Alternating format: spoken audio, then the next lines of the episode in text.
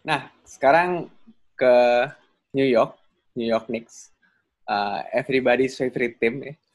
New York, New York.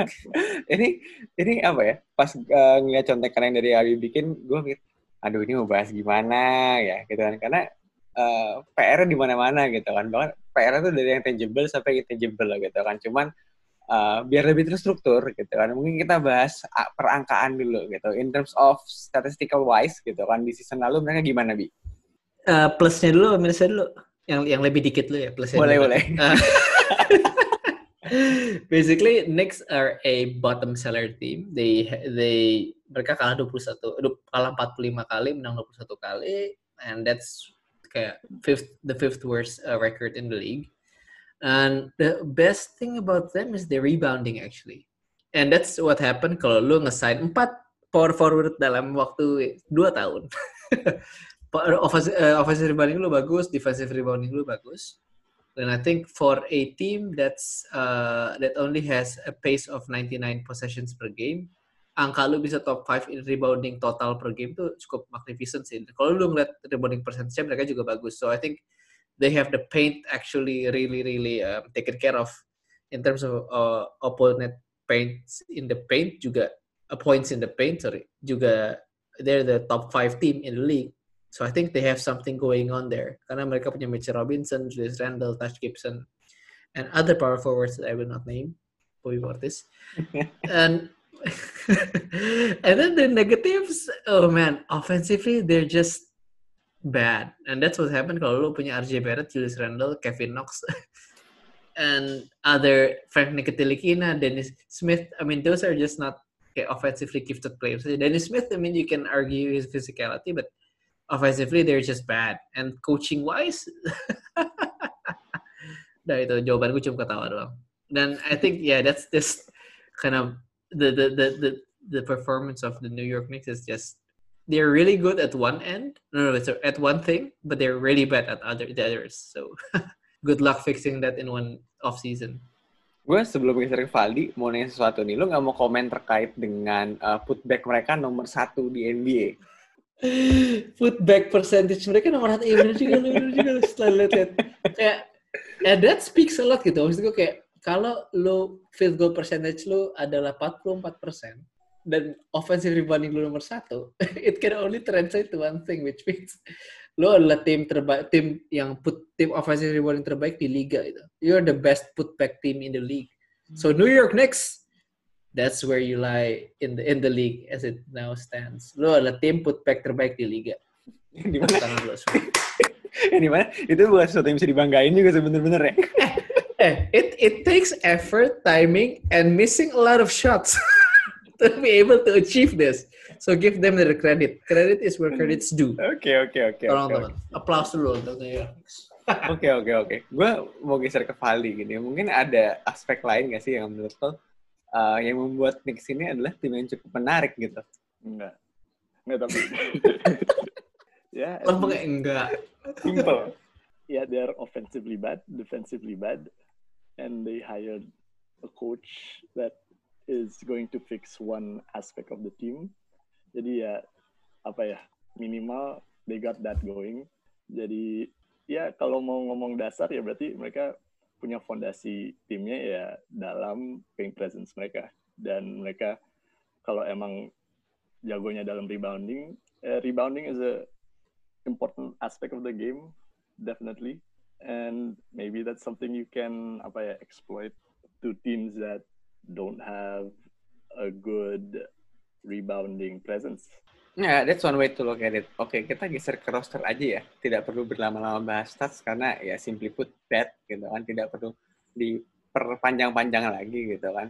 Ini sebenarnya terkait roster juga gue pribadi tidak ini roster yang sangat tidak menarik ya. Karena highest earner lo Julius Randle gitu kan. Di angka yang gak gede gitu sebenarnya. Cuman 19 juta. Ya kan?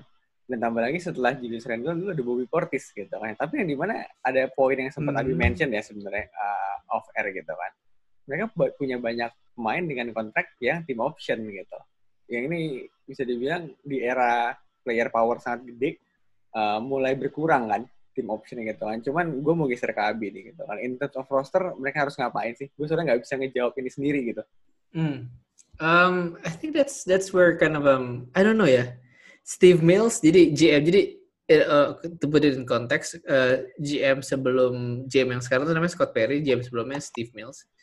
Se segila-gilanya Steve Mills bikin deal, a lot of it um, in in this past year adalah banyak team option yang lu bilang. Maksud gue itu I mean I don't know if kayak that's the trade off between playing in New York and having that particular kayak fame and access to any any intangible things off the court ya. And I don't know if the trade off adalah ya udah nih lu lu boleh main buat New York gitu. You can showcase, you can actually terserah lu mau ngapain karena saking gak ada arahnya lu di court lu mau showcase your best ini di luar skema terserah gitu. Makanya sekarang reboundnya banyak karena power forward semua isinya. Tapi mungkin the trade off adalah ya yeah, you have to agree to a team option in your deal. But I think that's savvy savvy savvy contract atau roster management sih menurut gua. Yeah, And it actually opens up opens up a lot of things juga gitu. In in terms of kayak flexibility kan. Mm-hmm. Cuman again, ya yeah, I don't know, ya yeah, maybe that's why people don't want to go to New York kalimat.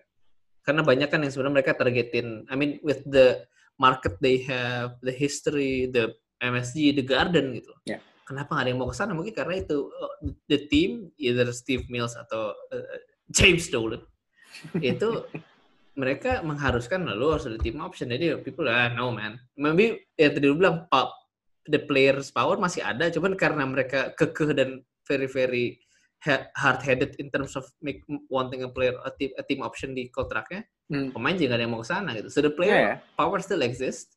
They're just like, kayak playing it too too too apa ya, too hard on the negotiations ya mungkin. Dan tambah lagi juga sekarang, misalkan let's say lo pengen di, di sekitar New York ya, ya ada better hmm. options di Brooklyn gitu kan yang di mana tidak yeah, se man. tidak sepelit James Dolan gitu kan lempar nama aja langsung gitu uh, nah uh, eh, gue mau ke Valdi gitu terkait dengan roster Knicks yang di mana Abi tidak menjawab sepertinya pertanyaan gue ya roster Knicks gimana Val? I think it's major overhaul on every aspect kecuali power forward maybe karena ya basically juga mereka di power forward juga udah ada orang-orangnya gitu dan orang-orangnya punya skill mungkin maybe the same skill set and same price same apa overall player rating maybe. Tapi ya I'm still looking for the future sih. Kalau gue sendiri mereka ya people say maybe RJ Barrett is not yet good enough. Dennis Smith Jr. udah mentok. Kevin Knox juga nggak kelihatan gimana gimana ya tapi they have young players and they were high draft picks. Ya you I think it's something that you should be patient with uh, with in the future maybe salah satu, salah dua, salah atau semua tiga tiganya akan nonjol. Dan mereka punya Mitchell Robinson. It's some, ya Woo! jadi di antara pemain-pemain yang mereka punya minimal udah satu yang menonjol. Mungkin kita bisa nunggu beberapa tahun lagi ada yang menonjol lagi gitu. So ya dan apa ya mereka punya team option itu dan kontrak-kontraknya gue juga lihat kayaknya short term short term semua maybe if apa ya that some of the draft draft picks ini pemain mudanya uh, stand out dalam season ini mungkin ya yeah, it's something uh, some kind of leverage to other players to join the team. Oke gitu. oke okay, oke okay, cukup menarik ya. Cuman uh, mungkin gue mau lempar satu nama ya yang bisa dibilang emang udah masuk kita juga kalau misalkan katanya Knicks ini pengen uh, pengen sign ya Fred Van Fleet gitu kan. Uh, lu ngelihat uh, apa namanya suitability-nya nih seorang Van di Knicks nih gimana bi? I mean that's what they need kan. I mean sekarang lu lihat point guard tadi tadi kata Vali bilang lu lihat point guard tadi in roster lu you have what Alfred Payton, Frank Tilik Tilik Tilik Tilik Kindle, and Dennis Smith Jr. gitu. And those three are not really cut uh, cut clear apa ya solutions in point guard. Kalau lu bisa datengin Fred VanVleet, man that's gonna be huge. I mean kayak proven winner, mm-hmm. can they facilitate, can shoot the three, can drive, and basic, and especially can play defense gitu. He leads the league in deflections. Orang sekecil itu bayangin, man, leads the league in deflections, so that's gonna be something kan.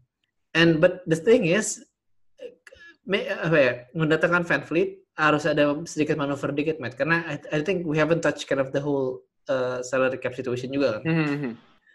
Sekarang sebenarnya punya di sekitar 10 sampai 13 juta uh, salary uh, uh, apa namanya Space. Uh, sal- space sorry space dan di mana yang tadi kita juga sempat bahas di awal yang sorry gue nggak menjawab pertanyaan lo tapi gue terlalu fixated di mana mereka punya banyak banget tim option gitu Ya, ya. Bobby Portis tim option 15 juta Taj Gibson walaupun nggak akan dilepas dia anak kesayangannya Taj Gibson eh tim Thibodeau Tips. tips so I think you're gonna get it and then Alfred Payton itu non get not fully guaranteed 8 juta Wayne Ellington di 8 juta juga tim option and and then you have Theo Pinson 1,7 juta tim option itu kalau lu kalau lu wave semuanya ya lu renounce atau sorry, lu, lu decline tim optionnya lo jadi punya an extra around 20 million in cap space 23 million plus and that that that that particular space can be brought can be used to bring in Fred VanVleet at a 20 million contract per year ya, Mhm. for four years gitu. And then you still have other movable pieces juga gitu. Kayak Alfred Payton yang tadi non guaranteed kalau lo mau ship to other contenders yang mau nge-wave buat open up cap space bisa. Delly Kinaden Smith Jr. and then you can ship them to atau siapa yang mau ambil ya. Tapi ya buat ini buat jaga-jaga lah let's say. Karena udah ada VanVleet juga kan satu jadi pelapis. Hmm. And then Kevin Knox, you find a team stupid enough to take his contract. Reggie Bullock is a proven shooter, 3ND, walaupun D-nya D kecil ya bukan D gede. at 4 mil at 4 million per year is also a movable piece gitu. So I think after after doing the business atau the maneuvers to bring in Van Fleet, lo masih punya another plethora of moves that you can make, and you can actually offer offer a really really good uh, player in in restricted free agent Mhm. in the name of let's say I don't know maybe Brandon Ingram maybe or something but that's that's but that's not in lah tapi or maybe lu bisa ngacoin tim sebelah lu dengan nawarin Joe Harris atau nawarin shooter lain kayak Davis Bertans Mhm. basically once you sign that Fred Van Fleet type of guy lo cuma tinggal need to surround him with shooters Eh, that's what that's his MO in Toronto Raptors karena lu punya Julius Randle di start di, di center atau dan eh, eh, Julius dan Mitchell Robinson di power forward sama center that's enough gitu. Untuk actually build a young core young team winning winning winning tendencies and you go it lah. Gak maksud gue that's, kind of the the the, the apa ya? The thing with New York sekarang like that flexibility actually gives them a, a, a winning path a, a path towards winning basketball once more gitu. Cuman let's see if James Dolan does not fuck this up again for the fifth straight year. That's my eh, ada satu komentar yang menarik ya, karena gue nggak tahu apakah apakah uh, disengaja sudah pasti, tapi apakah dengan niat seperti apa? Basically kan udah ada statement bahwa uh, New York Knicks di season ini willing untuk ambil bad contracts. Nah, gue mau valid nih gitu kan terkait dengan statement ini, impact-nya terhadap gerakan-gerakan apa yang akan dilakuin sama Knicks di offseason ini kira-kira gimana sih, Val? mereka bisa kasih kontrak ke siapa pun dan mungkin mereka akan apa ya ceritanya ya bisa apa nih Julius Randle, Bobby Portis ya kejadian masa lalu bisa terulang sekarang lagi. I mean and I would I wouldn't be shocked at that. Yeah, that, that's it, man. Oke oke, mungkin gue geser ke Abi. MO-nya apa nih Bi? Soal ini Bi, menurut lo Bi terkait dengan uh, Knicks yang willing buat ambil bad contract di season ini. I mean, when you say bad contract, let's say it's like the Russell Westbrook-ish contract Mhm. kan. Yeah. I mean, so they send Bobby Portis, they send Alfred Payton. Ini nggak tahu ya mau apa enggak ya si si si Rockets, gue juga nggak tahu. And then you send the likes of let's say Kevin Knox, Reggie Bullock untuk just to kind of match the salary. Mhm. Itu lu, and then you have a starting five of Russell Westbrook, Wayne Ellington, RJ Barrett, Julius Randle, and uh, Mitchell Robinson. Itu kalau lihat-lihat ya, atau let's say sorry sorry, and then let's say you you you, ship out Julius Randle, you keep Bobby Portis, sorry. Jadi starting five lu adalah Westbrook, Ellington, RJ Barrett, uh, Bobby Portis sama uh, Mitchell Robinson.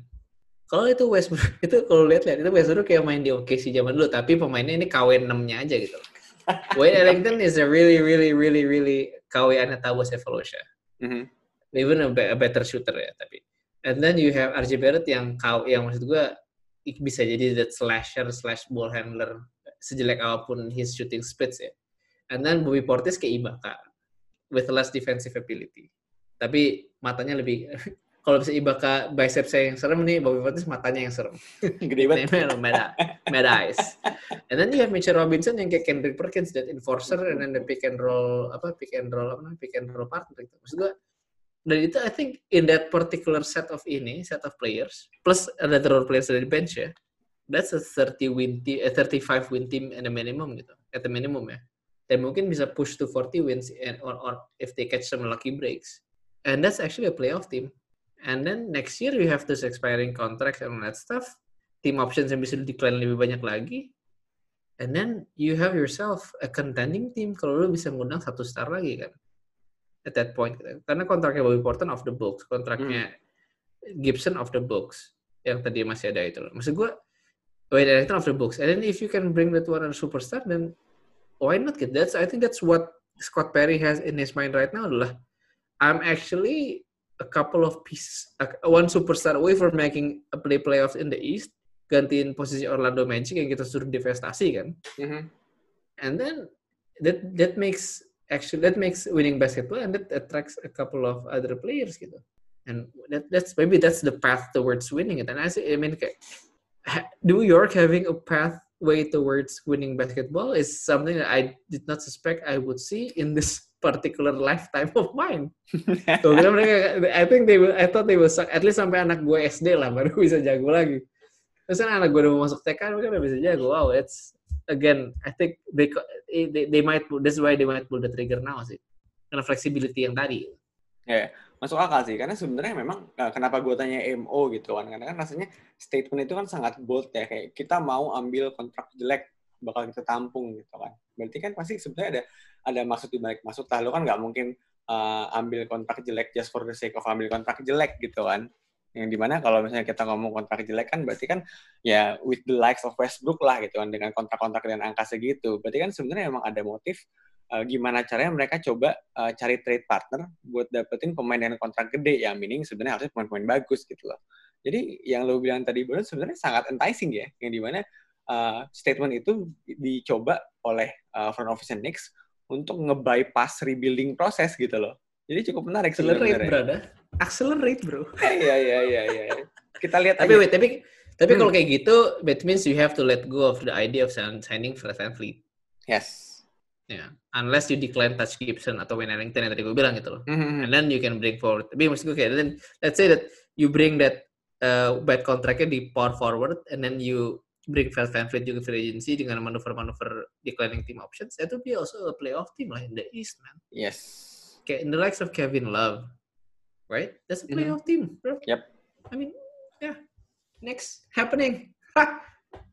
ya, jadi ternyata ya, maksudnya um, gue sih dengan dengan apa yang tadi dulu sampaikan ya, gue berharap itu benar dan itu kejadian gitu loh. Karena wait wait, you're a, you're a Pacers fan, you're a Reggie Miller fan. Why would you go? Why would you root for the Knicks, man? Nah, nah, nah ini, ini apa namanya? Gue melihat sebagai ini kondisinya unik kan. Maksudnya ada uh, front office sebuah NBA franchise secara blatant bilang gue mau ambil bad contracts ya kan di mana itu bold statement kan maksudnya uh, just within that itself gitu gue pengen lihat statement itu menjadi sebuah um, kejadian gitu loh yang di mana hmm. meaning ada pemain dengan kontrak gede yang di mana ya kalau pemain dengan kontrak gede at least a star kan tinggal masalah star yang dikasih duit berlebihan atau emang superstar. Ya jadi kan kayak range-nya antara uh, dari Kevin Love sampai ke uh, Russell Westbrook. Gue pengen ngeliat hmm. itu kejadian dan ada di New York gitu loh. Karena terlepas dari outputnya gimana gitu kan gue juga masih berpendapat they will be a bad team regardless at least for the season gitu ya. Tapi ada sesuatu yang bisa dibilang kayak highlights dari season the next apa gitu. Mereka berhasil mendatangkan X yang di mana itu didatangkan dari uh, bisa dibilang percobaan untuk menipu uh, tim-tim NBA lain yang di mana kayak gue gue mau nih datengin bad contracts padahal tujuannya adalah itu untuk memperkuat Knicks sendiri gitu loh itu pure genius man ya yeah, man ya yeah, man Eh, ya, ya. Jadi mungkin mari kita kembalikan ke Valdi gitu kan. Menurut lo dari roster Knicks nih apa yang bisa diapain sih, Pak? Gue suka gue tipe yang play patient lah. Mm-hmm. Karena you have young assets in here that maybe will not or will or will not pan out. Dan taking bad contracts dan itu apa ya dan jadi contending I don't know Russell Westbrook, Kevin Love. Kevin Love sekarang ada dalam di situasi dia sebagai salah satunya nggak salah satunya sih ada Tristan Thompson juga. Cuman kan dia apa ya superstar di sebuah franchise and he's not able to lift that team up. Westbrook it's just like that. Jadi I mean bad contracts yeah maybe for the next maybe in James Dolan's mind maybe in I don't know ya pikiran-pikiran lu berdua kreatif kreatif semua sih. Dan kalau gue sih gue gue stay cool dan lihat aja dulu gimana ini prosesnya berlanjut gimana. Dan just see for 2021 karena ya basically tahun ini ya tahun belajar lah di bawah sistemnya si Tom Thibodeau. Iya, yeah, uh, tahun tahun bakar keringat karena nggak nggak bakal kaget bisa lihat ada pemain X yang minutes under tips 40 menit per game di regular season. itu lututnya lututnya Barrett sih harus copot sih menurut gue. Eh. Like, yeah, but still, I mean it's it's it's an interesting time to be a New York Knicks fan. It's always an interesting time to be a New York Knicks fan sih. Everybody always roots for the Knicks. Yeah, man. eh. let's let's see, let's see, let's see, let's see, let's see. Oke, okay, oke, okay, oke. Okay. Kita wrap up aja terkait dengan roster Knicks ya, karena uh, susah gitu kan, karena nggak nggak banyak piece yang bisa digerakkan gitu kan. Nah, gue akan mengembalikan lagi ke Valdi, our draft master ya. Actually, do they own their picks for this year, the New York Knicks? Hey, hey, hey, hey. Pick 8 and pick 27 if I'm not mistaken. Oke. Okay. Sure. Mereka punya picknya banyak loh sejak gara-gara trade KP, bro. Mm -hmm. mm, kalau tahun ini sih untuk first round-nya ada dua pick gitu. Dan, See, uh, yeah. Dan itu punya mereka sama punya Clippers. Sorry, sorry. Yeah. Untuk first round ini juga sebenarnya stack with uh, stack with point guard dan ya yeah, in case they don't get the Fred Van Fleet, maybe another point guard they should be targeting in the draft. Hmm, I don't know Tyrese Maxey. Uh, Tyrese Maxey itu dari mana? Six three point guard from Kentucky yang akan ada programnya sendiri dari clutch. LaMelo Ball if he falls that low, if he falls that low. Terus ada point guard lainnya yang sebenarnya gue kurang suka tapi mereka entah kenapa ada di mid table dan juga sebenarnya dilihat orang-orang juga cukup oke okay, si Killian Hayes dari Ulm atau Bundesliga sama Kira Lewis six foot three point guard. And maybe kalau mereka mau uh, ngarah ke sistemnya Tom Thibodeau look for 3 and D players. 3 and D players in the apa ya in the in the top 10 mungkin ada Devin Vassell from Florida hmm. State sama Isaac Okoro from Auburn. Yeah no I I like the Devin Vassell pick sih I mean, he's the prototypical Thibs player lah. Kayak dulu Lu Walding and all that stuff. Kayak, I mean, doesn't really need the ball that much.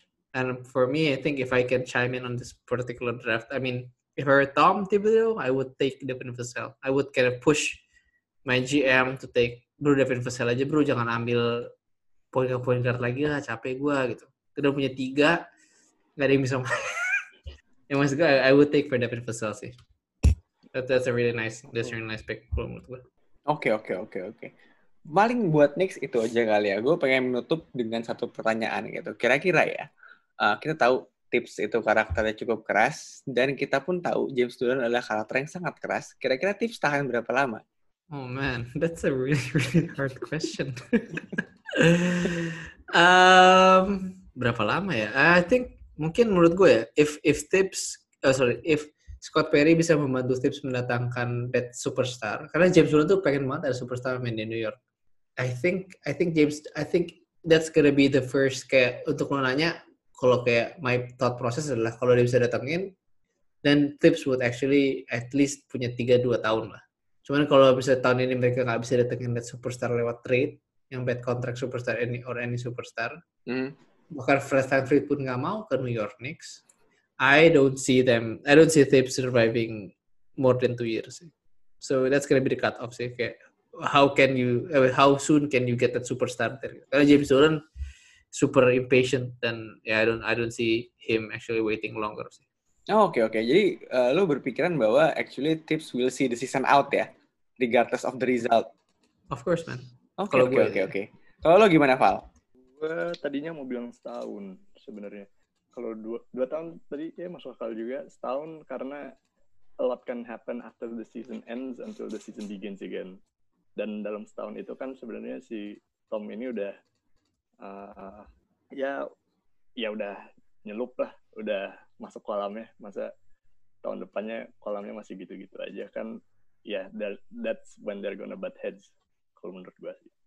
Oke okay, oke okay, menarik, menarik. Karena gue melihat bahwa bisa dibilang kayak sebelumnya kan uh, Knicks ambil David Fisdale ya yang di mana to some level kalau gue nggak salah ingat ada some sort of guarantee terlepas dari kondisi Knicks gimana gitu kan. He will see the season out cuma kan ternyata enggak gitu loh nggak nyampe All Star break tendang gitu loh. Jadi makanya gue akhirnya nanya gitu dan kira-kira tips bakal bertahan lama. Jadi paling kita lihat aja terkait dengan roster Knicks gimana gimana statement itu bakal eh statement kalau misalkan Knicks bakal ngambil kontak jelek how will it pan out gitu kan. Sama kita lihat aja tips bakal selama apa gitu kan.